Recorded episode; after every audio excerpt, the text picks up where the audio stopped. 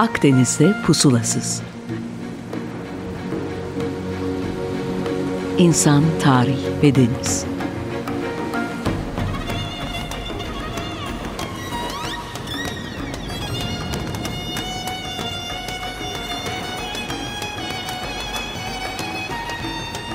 Hazırlayan ve sunan Sidar Duman. 95.0 Açık Radyo'dan herkese merhaba. Ben Sidar Duman. Akdeniz'de Puslasız'da bu hafta size Eylül ile alakalı bir hikaye anlatmak istiyorum. Çünkü Eylül önemli. Önce bir 2500 yıl kadar önceye gidelim. Bir hikaye okuyalım. Peşinden de bu hikayenin derinlerine inmeye çalışalım. Şimdi Atika takvimine göre aşağı yukarı yine 2500 yıl önce 15 Eylül civarı Atina Agorası'nda 3000 kadar potansiyel inisiye toplandı. Müstakbel inisiyeler işte kendi kurban hayvanlarını getirdiler ve festivalin duyurusunu dinlediler. Ertesi günde denize inerek kendilerini ve hayvanlarını arındırdılar. İşte ayın 19'una kadar işte 3-4 günlük e, bir süreçte dinlendiler. Ve Agora'da bir kez daha tekrar Demeter ve kızı Persephone'nin e, kutsal alandaki tören alayındaki inisiyelerle buluştular. Şimdi bu Demeter'le Persephone'nin hikayesini kabaca hatırlayalım isterseniz.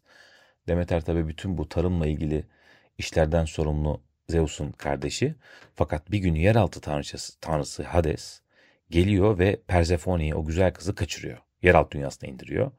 Demeter de tabi küstüğü için tüm dünyaya artık bütün bu tarım veya iklim, mevsim olaylarla ilgilenmeyi bırakıyor. Gelin görün ki işte bütün kıtlık, yokluk, kuraklık hepsi alıyor yürüyor. En son Zeus devreye giriyor ve diyor ki Hades sevgili kardeşim ver şu Persephone'yi Demeter'e. Hades de diyor ki ya çok üzgünüm çünkü orada benim yanımda kaldığı sürece bir işte nar çekirdeğini e, yediği için yukarı çıkması tekrar gökyüzüne sizin aranıza katılması mümkün değil. Neyse al takke ver külah pazarlıklarla Persefone sadece e, işte kış hariç özür dilerim her mevsim bizim yanımızda oluyor. O yüzden de baharda bunlar kutlanıyor. Yani Persephone'nin yukarı gelişi, dünyaya gelişi. O yüzden her yerde ekinler alıyor, yürüyor. Demeter çünkü çok mutlu. Ve sonbaharda üzülmeye başlıyor Demeter. Ve kış bizim en azından kuzey yarımkürede çok bereketsiz bir şekilde geçiyor. Çünkü kızı yeraltı dünyasında. Neyse bu alay e, var bir kortej düşünün. Tekrar Atina'ya geri dönüyoruz. 2500 500 yıl önceye. E, bu Elefsisli rahibeler ve onların e, törende hazırlık için böyle koşuşturan insanları düşünmemiz gerekiyor. ardından da 15 saatlik bir yürüyüşle bu Elefsis denen şehre yürünüyor. Atina'dan yürüyerek gidiyorlar. İnisiyeler bu şehre girerken meşaleler yaktı, yakıyorlar ve şehre ulaşıldığında hadi onlar hacı diyelim bu kutsal alana dans ederek giriyorlar. Ertesi gün işte bu kurban süreci başlıyor ve gün batımında inisiyeler asıl inisiyasyonun başlayacağı e, Telesterion adı verilen bir binaya gidiyorlar. Bu saf olmak için tekrar kendilerini yıkıyorlar. İşte meşalelerin kokusuyla tüsleniyorlar. Sessizce oturuyorlar. Şimdi ilk gece bu Persephone'nin demin anlattığım bu Hades tarafından kaçırılmasıyla ilgili olan e, hikayenin başı yani bu dönüşün başlangıcı diyelim. İkinci gece ise şarkı söylemeyi, dans etmeyi potansiyel olarak da e, işte bir ne diyelim bir performans sanatları yapıyorlar. Ama burada tabii olay ilerledikçe bir gizem işin içine giriyor. E, bu Elefsis din adamları seyircileri dehşet verici bir deneyim olan işte fallusun bir tasviriyle başlıyorlar ve Demeter'in heykeli sergileniyor. Bir buğday başağının ve tarımsal zenginliğin e, sembolleriyle işte süslenmiş bir hikaye başlıyor. Dolayısıyla bu gizemlerin doğurganlık ve tarımla ilişkisi var. Önce buna bakmamız lazım. Yani 2500 yıl boyunca bu kadar çok insan bu e, Elefsis gizemlerinin e, törenlerine tutarlı bir şekilde gidiyor ve e, nasıl diyeyim bir, bir vahiy deneyimliyorlar. Gizemleri çözmeye çalışan yüz binlerce insandan bahsediyoruz veya partisi olmak isteyen. Burada tabii doğal olarak bugünden baktığında bu kikeon denen yani kutsal bir içecek var. Bu içecekle beraber e, insanlar Tanrı ile bir olmaya daha çok yaklaşıyorlar. Bu psikoaktif maddeler olarak bakıyoruz genelde bunlara. E, böyle eleştiriler de var. E, tabii şimdi 2500 yıl öncesine gittik ama neydi bu kadar insanı ilgilendiren bu ritüeller. İşte güzel bir sonbahar günü e, biraz Akdeniz'de bağ bozum olaylarına bakalım. Çünkü yukarıda bahsedilen o içecek tabii ki şarap. E, niçin bunca ritüeller içeriyor bu bağ bozumu? Düşünelim. E, hatta belki bu mevsimde bir tanesine denk de gelip katılırsınız. O yüzden zamanlamayı böyle seçmek istedim. Tabii Anadolu'muzda üzümden pekmez de yapılıyor şu anda aynı mevsimde. Ama biz bugün niye daha ziyade mitolojilere konu olan e, şaraptan bahsedelim. Şarap deyince de mecburen Dionysos konuşmamız gerekecek. Bakalım nasıl olacak? E, çünkü bence mitolojideki en karmaşık karakter kendisidir. E, yanlış da tanınıyor çoğu içerikte ben okuduğum zaman sanki böyle hadi kardeşim gelin içelim güzelleşelim gibi bir tanrı şeklinde atfedilmeler var ama inanmıyorum böyle olduğuna çok daha komplike bir tanrıdır. Bir yerinden başlayayım artık nereye kadar gidersek bu programda. Şimdi e, hadi Greco-Romen dini diyelim. Bereket, işte bitki örtüsü, doğa, şarap ve coşku tanrısı. E, işte milattan önce yaklaşık 1300'lerde bronz çağının sonlarına doğru da bu lineer B alfabesiyle yazılmış bir takım tabletlerde adı geçiyor. O yüzden kültün kaynağını işte Miken döneminde e, ve Atina bölgesinde başladığını tabii ki Batılılar iddia etmeye çalışıyorlar ama bana sorarsanız doğudan geldiği neredeyse kesin gibi Hindistan diye büyük bir iddiada da bulunabiliriz. E, çünkü gerçi biz de ilgilendiriyor mu Akdeniz'de pusulasızda biz bu alışverişlere hoşça bakıyoruz. Yoksa kim nerede doğmuş, nereliymiş bu tür mikro milliyetçi fikirler bizle ilgilenmiyor. Anası babası kimdir? Babası Zeus'tur. Anası da Semele'dir. Yani ölümlü bir kadından doğmadır. Yine kaynaklarda kıskançlık yüzünden Zeus'un karısı işte şunu bunu yaptı deniliyor ama ya bu kadının kıskançlıkla alakalı bir durum yok. Yani e, Zeus tam bir uçan bir kaçan kurtuluyor diyeceğim onlar bile kurtulamıyor. O yüzden de doğal olarak hamile olan başka bir kadını gördüğünde e, Hera yani Zeus'un karısı diyor ki ya sevgili Semele bak diyor kılık değiştirerek geliyor tabii. Hera olduğu belli değil. Ya sen şu diyor sevgilim var diyorsun Zeus diyorsun. Ben diyor bunu çok doğru olduğunu emin değilim. Sor bakalım diyor kendini sana bir göstersin. Eğer hakikaten Zeus'sa Zeus olarak göstersin.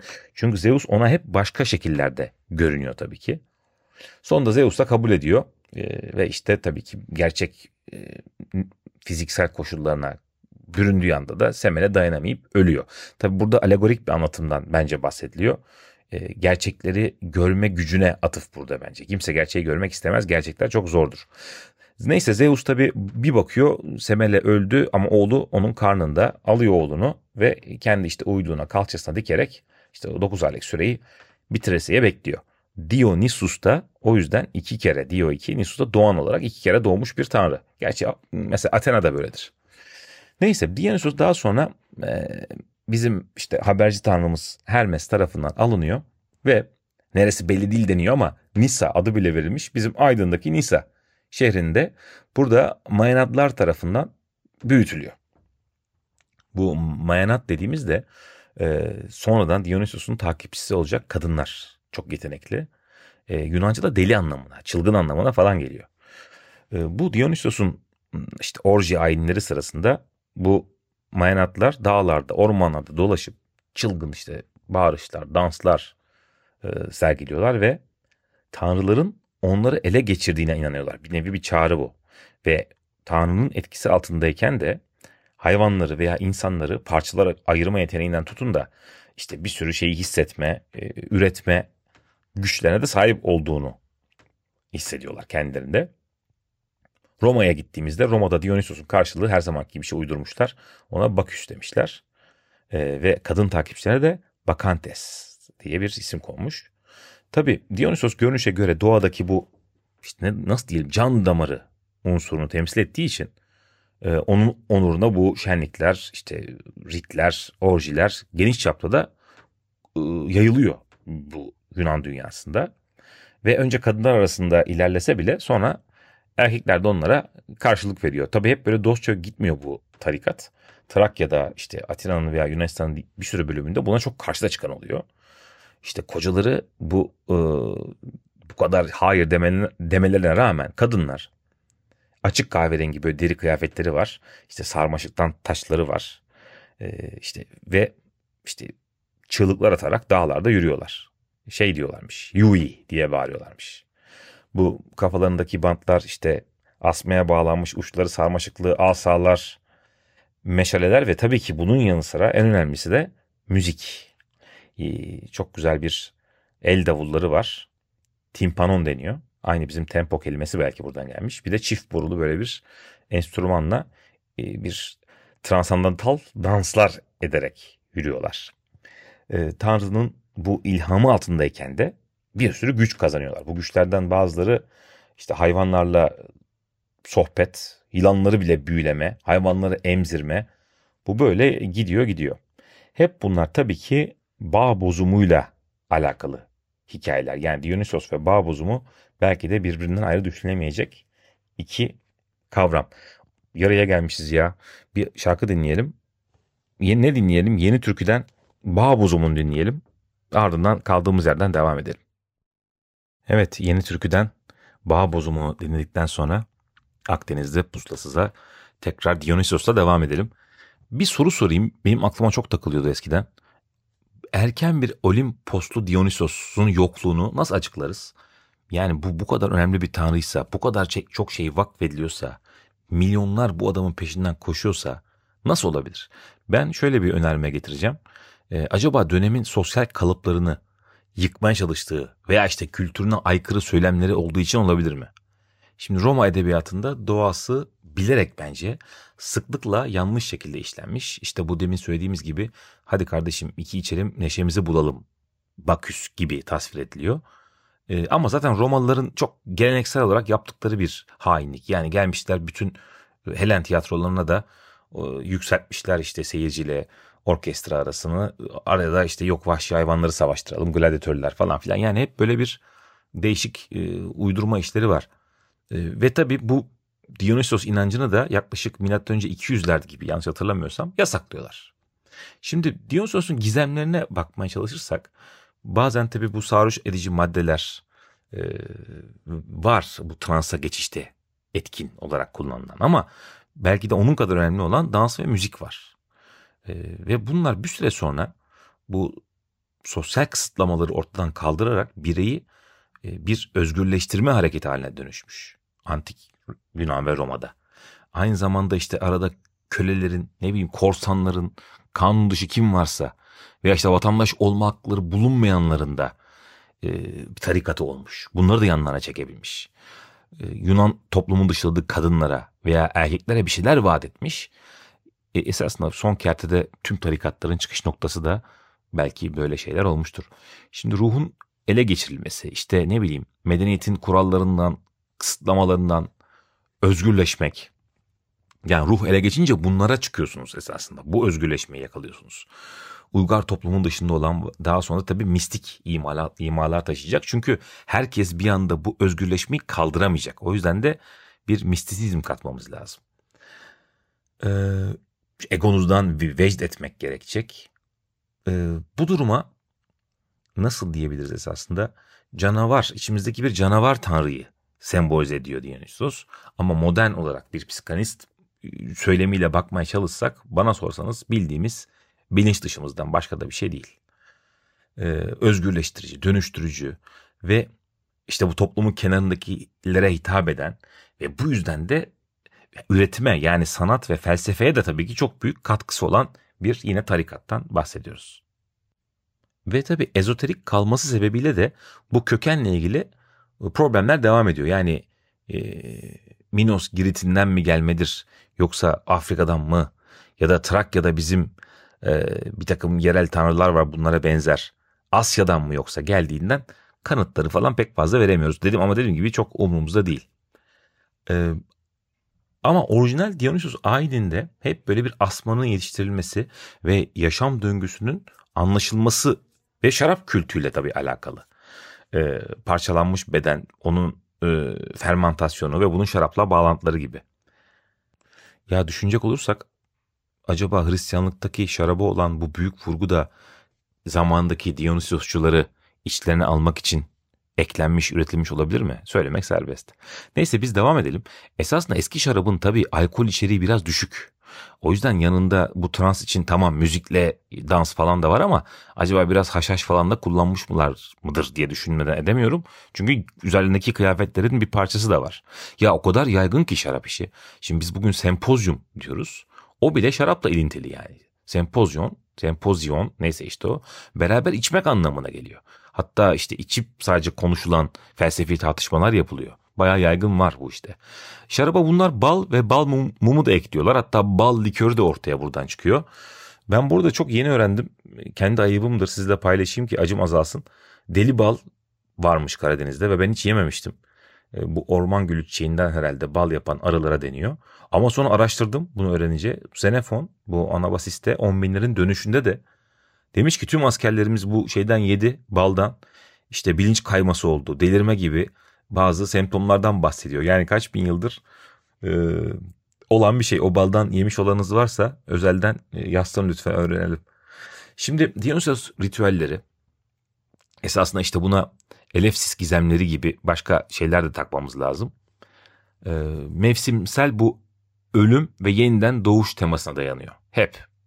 Ve bakarsanız da köklerini pek çok şeyin arayabileceğimiz gibi bunu Mısır'da aramak mantıksız gelmiyor. Ve Osiris'e tabii ki gidiyor. Çok benzer bir tanrı. Yine parçalara ayrılmış ve mumyalanmış olması.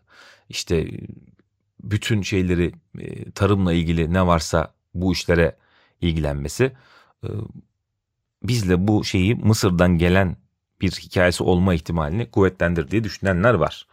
Yani nereden geldiyse geldi tabii de biz tekrar bakalım. Şimdi tarikatın merkezinde bir trans durumu var ve sadece uyuşturucu kullanımından da kaynaklanmıyor. Bu insanlar sadece sarhoş değiller. Bu davul ve kaval diyelim hadi bugün anlayacağımız şekilde. Dansla bir ruh çağrılması şeklinde ilerleyebiliriz. İşte Afro-Amerikan vudulara da benzetenler olmuş bunları. Roma'da başka isimler alıyorlar. Vaktimiz kalırsa gireriz. O da çok ilginç esasında. Bence bugüne de başka şekillerde gelmiş ama. Şimdi şöyle birkaç antik şeyden okuyayım size. Ee, karanlığa dalıp salınırken meşaleleri takip ederlerdi. Başlarını geriye atmış ve gözleri parlayarak dağ yollarına tırmanırlardı. Ruhları harekete geçiren davulun ritmiyle dans ederlerdi. Bu coşku ve coşku halinde çılgınca dans ederek ve Yui diye bağırarak kendilerini terk ederlerdi. Onun ruhuyla doldular ve ilahi güçler kazandılar. Yani böyle dönem insanlarını çok etkilemiş bir tarikat. Şimdi pek çok dönem Akdeniz hükümdarı Dionysos kültüne, Dionizyak kutlamalara sevgiyle bakmıyor. Biraz mümkün mertebe engellemeye çalışıyor.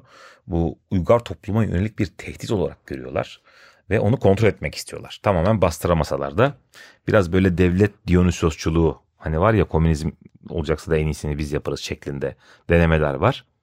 Ama genelde e, sevilmediğini biliyoruz ve sevilmedikçe de yer altına inmiş biraz daha tekrar ezoterik olmuş ve gittiği taşındığı kültürlere de e, kültürlerde de farklı şekiller alarak ilerlemiş ya da ben öyle düşünüyorum.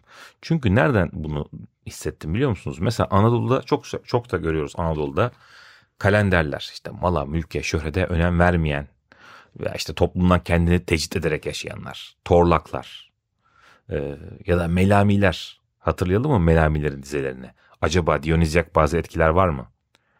Nasıl diyordu Nesimi? Ben melamet hırkasını giydim kendi kendime. Ağrı namus şişesini taşa çaldım kime ne? Yani bu yobaz zihniyete, onların kurduğu, kurduğu namus fikrine uymak zorunda falan değilim, kabul de etmiyorum. Ah Haydar Haydar, taşa çaldım kime ne? Gah çıkarım gökyüzüne seyrederim alemi. Kah inerim yeryüzüne seyreder alem beni. Diye devam ediyor. Kah giderim medreseye hu çekerim hak için. Kah giderim meyhaneye dem çekerim aşk için. Sofular haram demişler bu aşkın şarabına. Ben doldurur ben içerim. Günah benim kime ne? Tabi daha gidiyor. Yaren ile hoş musun gibi. Yani Anadolu'da da çokça olduğunu düşünüyorum bu felsefenin. Halk böyle bir kült, böyle bir tarikata o dönemler özellikle çok sıcak bakmış.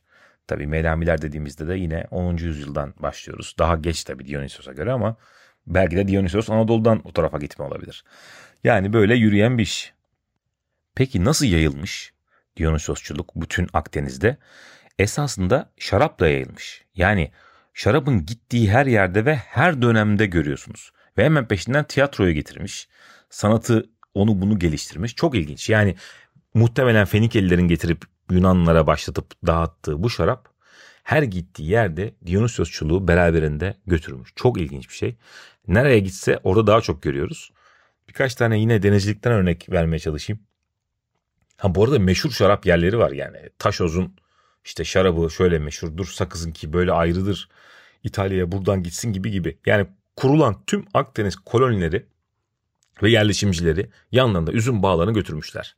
Bizim Foçalıların Marsilya'ya götürmüş oldukları gibi. Şimdi Güney Fransa kıyılarında aklıma gelmedi Batı'nın ismi. Yaklaşık 300 bin litre Yunan şarabı bulmuşlar. 10 bin amfora. Yani bu bayağı şarap her tarafa gidiyor. Gittikçe de Dionysos gidiyor. Bir ilginç bilgi e, milattan sonra 700'lerdeyiz bu sefer. Biraz ileri geldik. Yani artık Hristiyanlık aldı yürüdü. E, Doğu Roma'nın resmi dini oldu. İstanbul'da herkes Hristiyan. Ve bir e, konsülde ya bir konsey toplantısı hatırlayamıyorum. E, yani Theodosius'un tapınakları, tüm tapınakları kapatmasından yaklaşık 300-400 yıl sonra Dionysos çığlıklarını atılmasını yasaklayan bir kanun çıkıyor. E, düşünebiliyor musunuz? Bu kadar etkin demek ki ki artık e, kimse bunu kullanmasın diyor. E, bu gizem kelimesi yani bu mistik e, demin konuştuğumuz şeylerin de kökenine bir arkadaşım atıfta bulunmuştu. Bu Hititçe'de kullanılan munnae'den yani böyle saklamak, saklanmak, gözden uzak tutmak fiilinden acaba türeyip e, mistik olmuş olabilir mi? Misteria ya dönüşmüş. Oradan da Latince'ye Mysterium gibi bu mistik hikayeler. Ya vaktimiz kalmadı. Çok da başka notlarım vardı ama e, bu programdan belki devam ederek ilerleriz 15 gün sonra. Çünkü konuşamadık daha tiyatroya etkileri şu busu. Evet bir bağ bozumu zamanında olduğumuzu unutmayalım. Günlük hayatın e, genel kaygılarından sıyrılıp bu önemli sonbahar günlerini en iyi şekilde geçirmeyi dileyelim en azından. Ben Sider Duman tekrar Akdeniz'de Puslasız'da görüşmek dileğiyle efendim. Açık Radyo ile kalın.